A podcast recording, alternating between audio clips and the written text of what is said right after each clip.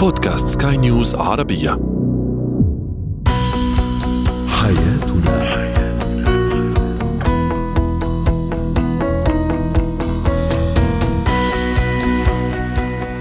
مستمعينا الكرام أهلا بكم إلى برنامج حياتنا برنامجكم اليومي الذي يعنى بشؤون الأسرة وباقي الشؤون الحياتية الأخرى والذي يمكنكم الاستماع إليه عبر منصة البودكاست لسكاي نيوز عربية. معي أنا طيبة حميد.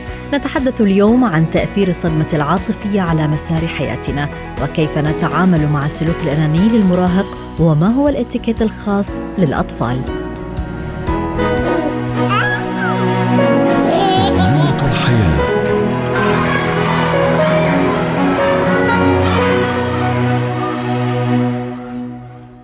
يتصرف أحيانا وكأنه سيد العالم. يريد الاستحواذ على كل شيء فيبدو انانيا لا تهمه مشاعر الآخرين وكأنه يقول أنا وما بعدي الطوفان. نتحدث هنا عن المراهق الأناني وتنضم لي الاستشاريه التربوية والاجتماعية ولاء محمد. أهلا بك أستاذة ولاء. يعني لماذا تظهر هذه الأنانية عند المراهق؟ هل هي حالة طبيعية وعلى الأهل تقويمها عند ملاحظتها أم إهمال الأهل لتربية الطفل قد يشكل آه، أو يجعل منه آه، مراهق أناني؟ السلام عليكم ورحمة الله. آه بداية صحيح تماما ما ذكرتيه لأنه نحن لدينا نوعين من المراهق الأناني. المراهق الأناني اللي كان عنده شعور كان عنده سلوك الأنانية منذ صغره وما تم التركيز عليه ولا علاجه. يعني غالبا الأهالي بتقول لك لسه ولد صغير ما بيعرف شو عم يعمل ما بيعرف أنه المشاركة بحب. لا هو لسه لأنه لحاله طفل وحيد أو أو أو بيعطوه مبررات للطفل الأناني. فبيستمر عنده هذا السلوك لعمر المراهقة. لما بيصل لعمر المراهقة بتكبر متطلباته لأنه بصير كمان في عند فبصير في عناد مع الأنانية. هون ببلش انزعاج الأهل ببلشوا يحاولوا يلاقوا له حلول. في عندك نوع ثاني هو المراهق الأناني اللي فجأة نما عنده هذا السلوك بيكون عنده كرد فعل عن شعوره أما بالخوف أو عنه شعوره بالغرور.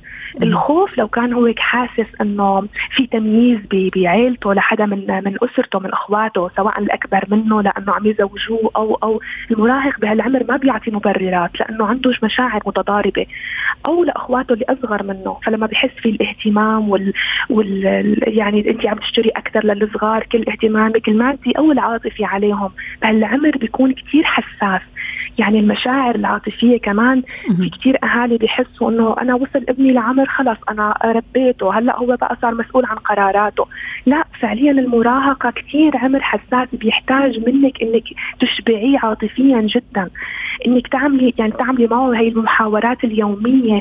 تبدلي من علاقة الطفولة بقى لعلاقة المراهقة إنه هو يكون صديق لإلك. تعملي معه نقاشات يومية.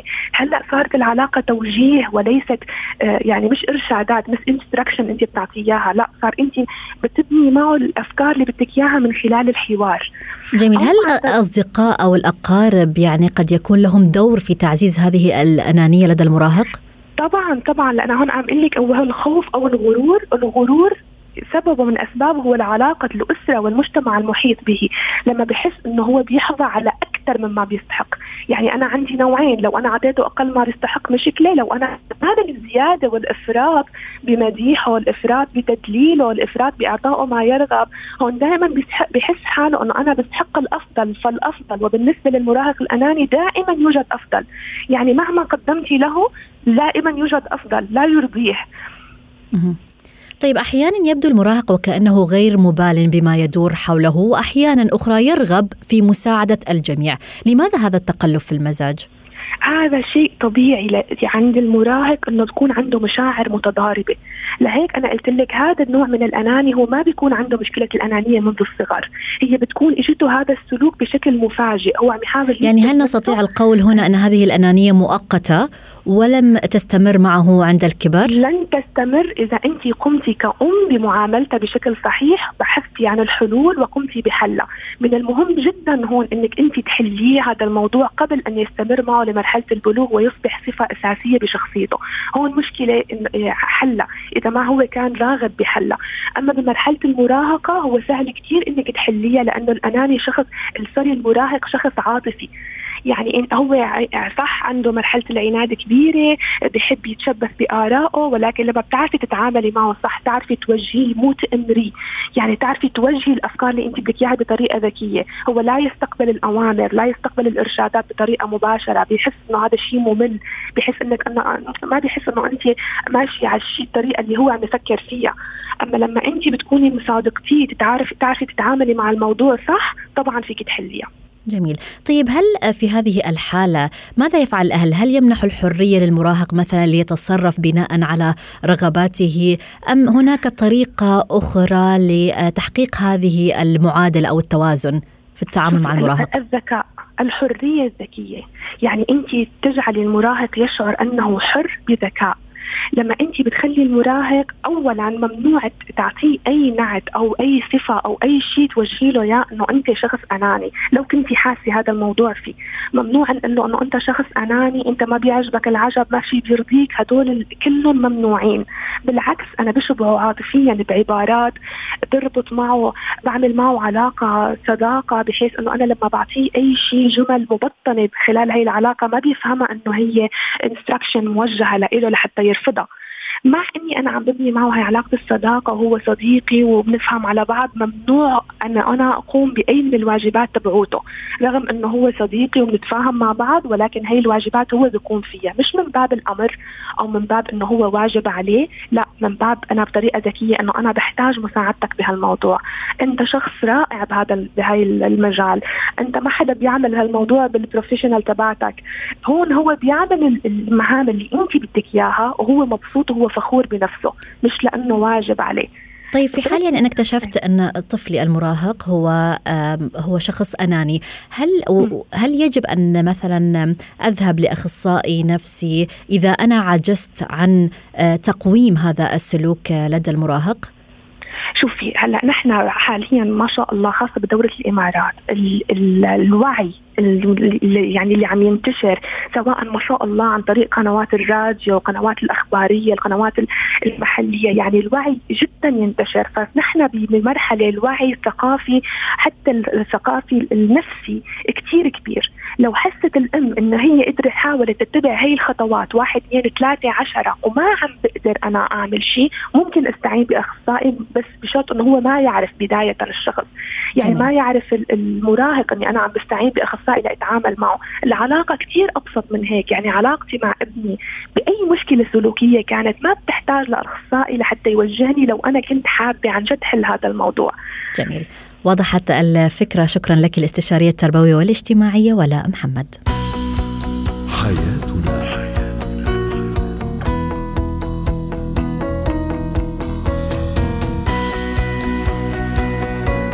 نجدد التحية والترحاب بكم مستمعينا الكرام. أنتم تستمعون لبرنامج حياتنا برنامجكم اليومي الذي يعنى بشؤون الأسرة وباقي الشؤون الحياتية الأخرى والذي يمكنكم الاستماع إليه عبر منصة البودكاست لسكاي نيوز عربية. معي أنا طيبة حميد. هو وهي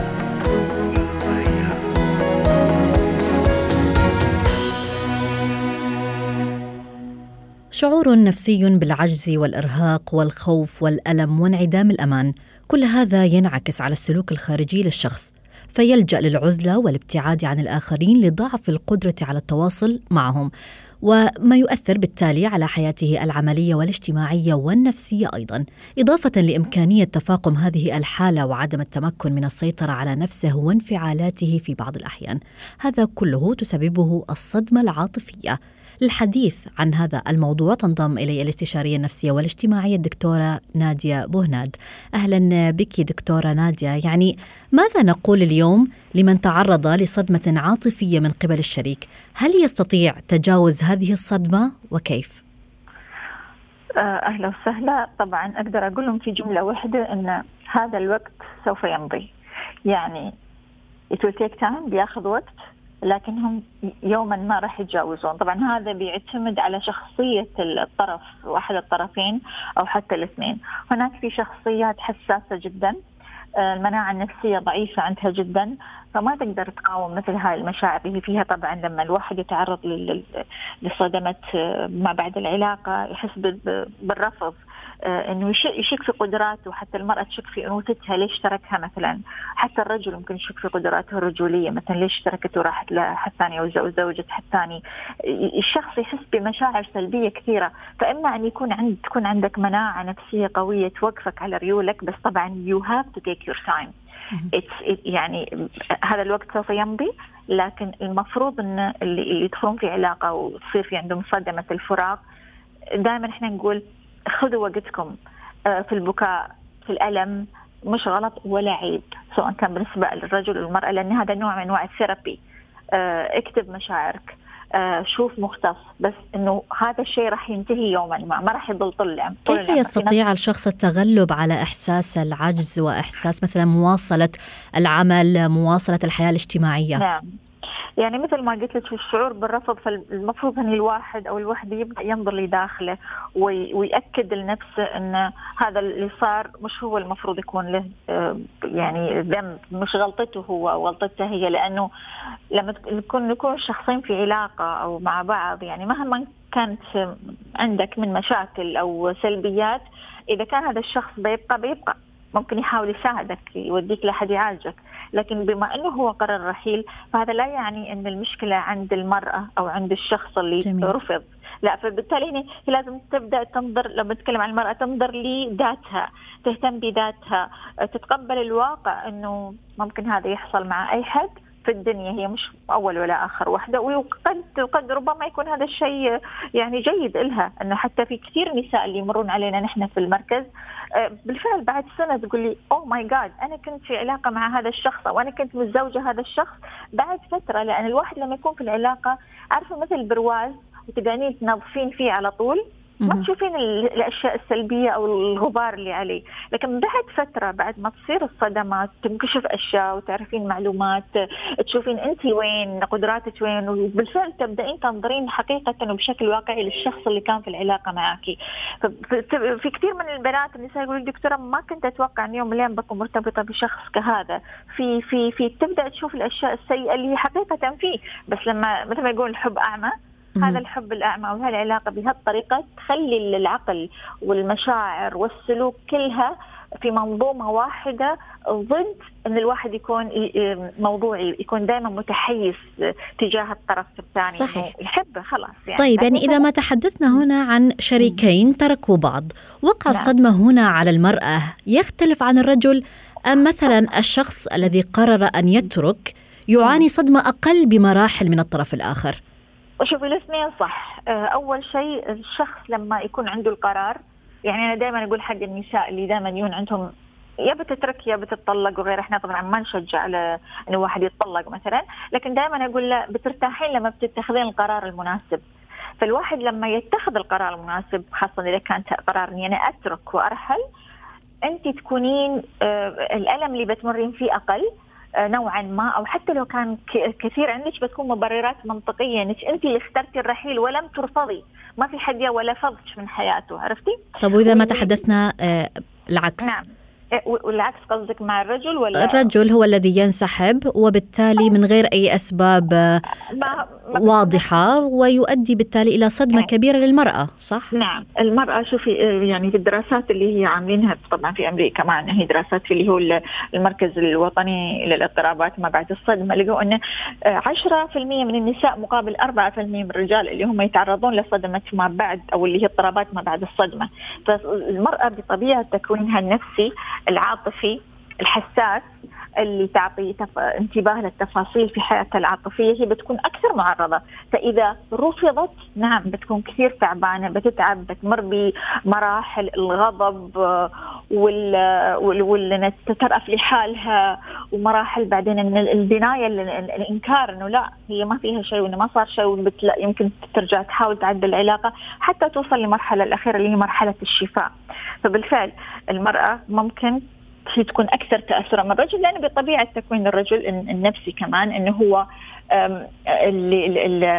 المشاعر اللي أكثر تأثر فيه ويعبر عنها يمكن يكون الغضب آه، يمكن يكون يعني الغضب أكثر شيء والحزن أحيانا. لكن المرأة الخوف وهذا الخوف دائما يكون هو مشاعر الخوف دائما تكون هي سبب في قلة المناعة النفسية كمان عند الشخص. والخوف يكون سبب في إني أنا ما أقدر أتصرف ما أقدر أفكر. ف يعني أتوقع يعني بالفعل. يعني وبعدين كله في النهاية يرجع للتربية. التربية لما إذا تربيتي انت مثلا بنت تربيتي بين شباب يعني بتكوني شوي قوية في من ناحية إني أنا كيف أتعامل مع الأمور العاطفية، أما إذا شاب كمان وتربى بين بنات ونساء بيكون نوعا ما عاطفي لأنه تربى بين بنات وهذه تحبه وهي تهتم فيه فهو بيكون more emotional وقد يستطيع أن يشعر بألم المرأة. نعم. نعم طيب تحدثنا يعني عن الغضب والخوف نعم. وتحدثنا عن جميع هذه المشاكل إذا ما يعني العزلة حتى الاجتماعية قد تكون جزء نعم. من نعم. أعراض هذه الصدمة هل هناك أعراض أخرى هو شوفي إذا استمر الموضوع أكثر من ست أسابيع آه، طبعا هذا بيدخلنا يعني نقصد اللي شو الاستمر استمر الحزن والبكاء بدون سبب وهو في سبب لكن هذيك الساعة تبكي ممكن تبكي قدام الناس أو يبكي قدام الناس. فإذا استمرت هالأعراض العزلة الحزن آه، الغضب آه، عدم الأكل كلها بتكون عندنا أعراض أعراض شبيهة بأعراض الاكتئاب ممكن توصل الشخص لاكتئاب. كملنا أربع خمس ست اسابيع بهذه الطريقة دخل في اكتئاب وطبعا يعني بندخل في موضوع آخر. طبعا في اكتئاب إحنا عندنا ممكن تكون اكتئاب موقفي أو لحظي إنه بسبب علاقة الواحد ممكن يتخلص منها. لكن إذا كانت الشخصية جدا مناعتها ضعيفة جدا ضعيفة جدا تحب تلعب دور الضحية جدا تحب الانتباه هذه ممكن الاكتئاب يطول وياها ويصير مزمه فيما بعد لأنه هو هاي هاي الشخصية سواء مرأة أو رجل ممكن يعيش ويندمج في الاكتئاب حتى يجذب آه، انتباه الطرف الآخر اللي تركه. وطبعا هذاك ما راح يأثر فيه أكيد لأنه إذا هذاك اختار إنه يروح خلاص. بيروح. ف... طيب يعني تحدثنا إنه تأثير الصدمة هو يختلف بالفعل من شخص نعم. لآخر، البعض يستطيع الخروج من هذه الصدمة في غضون أيام والبعض الآخر قد تمتد فترة أيوة العلاج. في النهايه في النهاية راح يطلعون. لأسابيع أو أشهر بالفعل. ولكن البعض قد يعاني من اضطراب ما بعد الصدمة، ما هو نعم. هذا الاضطراب ولماذا يحدث؟ ما هو الاضطراب ما بعد الصدمة؟ يحدث قلنا إذا آه طبعا هو الصدمه نتكلم عن صدمة. هذه ممكن تكون صدمة صدمة عادية. أنا بسميها اللي هي صدمة العاطفية لكن في صدمات أكبر. لذلك هم يشوفون في الدراسات أن النساء أكثر تعرضا أو أكثر تاثيرا أو لاضطراب ما بعد الصدمة انه أول شيء العيش في مجتمع ذكوري ممكن يعرض المرأة لمواقف كثيرة ممكن مثل التحرش الجنسي أو التقليل من شأنها في العمل وغيرها. هذه لذلك يقولون المرأة أكثر آه، يعني يعني تتأثر بالصدمات. آه، والرجل أقل لأن قلت في مجتمع ذكوري نحن. لكن المرأة مثلا قلنا حتى في التربية في البيت في التربية القاسية ممكن تخليها بحكم العادات والتقاليد أنها ما تقدر تطلع ما تقدر ترد ما تقدر تدافع عن نفسها ما تقدر تنفصل عن الأسرة. بعد تتعرض لصدمات أو ما بعد الصدمة اضطراب ما بعد الصدمة أكثر من رجل اللي هو ممكن يوقف هذا الهجوم عليه سواء كان في البيت أو التربية ممكن القاسية اللي ممكن يتعرض له. لأن كثير من الصدمات اللي يمرون فيها الأفراد تعود للتربية. صحيح. الضرب وبالتأكيد يعني الصدمة العاطفية لا تقتصر فقط على العلاقة بين الشريكين وإنما أيضا قد تصاب أو يصاب بهذه الصدمة لأي شخص يتعرض لحادث أو اعتداء جسدي أو موت قريب. شكرا لك الاستشارية النفسية والاجتماعية الدكتورة نادية بوهناد اتكات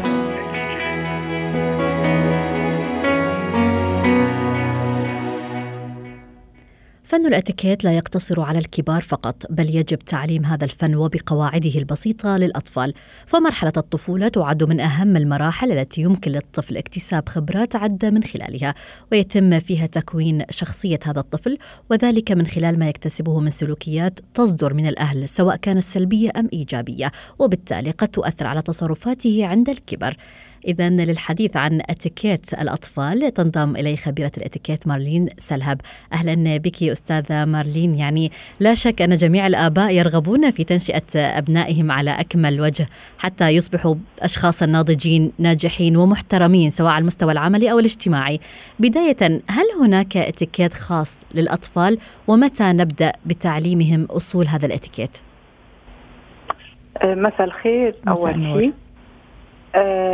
أكيد أكيد هو الولد صورة عن الأهل.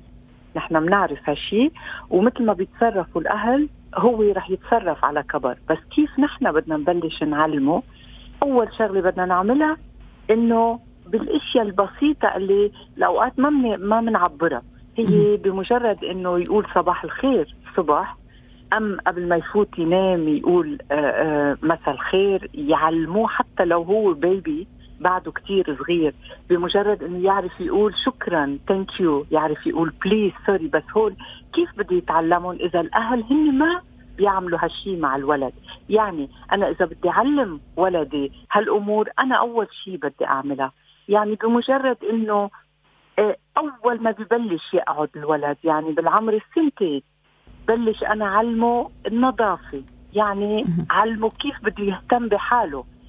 أول ما ببلش يقعد الولد تعطيه الملعقة الأم لو هي عم بتطعمي هالولد بس تعطيه الملعقة بتعلمه كيف هو بده يمسك هال هالملعقة. هون بتبلش الاتيكيت. يعني نحن علمناه كيف أول شيء يقول بونجور كيف يتصرف كيف يكون آه مهذب. يمكن قبل ما يحكي ما في يعرف يقولهم. بس لما نحن بنقولهم لهالولد هو بيصير يعني يتعلق فيهم يعرف يعرف معناتهم قبل ما يبلش هو يحكي. بس لما ببلش يقعد ومنبلش نحن بالاتيكيت نعلمه كيف بده يقعد على الطاولة لو حسينا إنه هو جوي حواليه بمجرد إني صلح له مرة على مرة بضحك بمزح كله بده يكون بطريقة سلسة قد ما يكون عندي هموم هو ما له ذنب. أنا عم نمي له شخصيته ما في ينمي شخصية ولد إذا أنا ما عم بعطيه هو بعمر بعده صغير. وهذه القواعد بالتالي تتطور مع كبر الطفل صحيح؟ يعني أيوة. نبدأ مثلا بتعليم هذا الطفل عدم مقاطعة الآخرين أو مثلا آه، استخدام آداب المائدة وما إلى ذلك. إذا بلشنا نحن إذا بدي إذا بدنا نقسمهم لما ناخذ وقت إذا بده إذا بيشوف الولد حتى لو بعد عمره سنتين وثلاثة إنه أنا بغسل له إيديه قبل ما يبلش أكل وبرجع بغسل له إيديه لما يخلص الأكل. نحن لما بنرجع من مشوار معين بشوفني إنه أول شغلة أنا غسلت له إيديه هون بلش أعطيه اهتمام لإله يعني احترام ذاته. الإنسان ما بحب حاله ولا ممكن بالمستقبل يقدر يحب اللي حواليه. هون بدهم يبلشوا الأهل بهالأشياء اللي كثير بسيطة يعلموا. بعدين لما أنا بدي يعيط لي عدة مرات وما بدي جاوبه هو رح يعمل ذات الشيء على كبر. يعني لما بده يحكي معي أنا بدي أطلع فيه بدي أتسمع عليه. هون لما أنا بسمع له شو هو بده وبتطلع فيه حتى لو بدي أقول له لا بس بتطلع فيه وبتسمع عليه هو رح يتعامل ذات الشيء بعدين لما يبلش يكبر جميل. أول ما بده يروح على المدرسة بده يعرف إنه أنا إذا بدي أعمل مثل ما بلبس ثيابي وبظهر ما بطلع مش لابس ثيابي مفروض يكون أنا غسل اسناني مشط شعري كون نعم. نظيف نعم. اتحمم كل يوم هيدا كثير بأثر على شخصيته على كبر بعدين أنا لما بعتذر لما أنا بخطأ مع هالولد أنا اعتذرت منه. بيتعلم هو إنه الاعتذار بكبر ما بيصغر وهالشي بنمي كثير إشياء. بشخصيته. وخصوصا لما ما بفرق أنا بالبيت بين ولد وبين بنت بحسس الولد قديش هو مهم شو ما كان. نعم قد وضحت الفكرة خبيرة الإتيكيت مارلين سلهب. شكرا جزيلا لك. حياتنا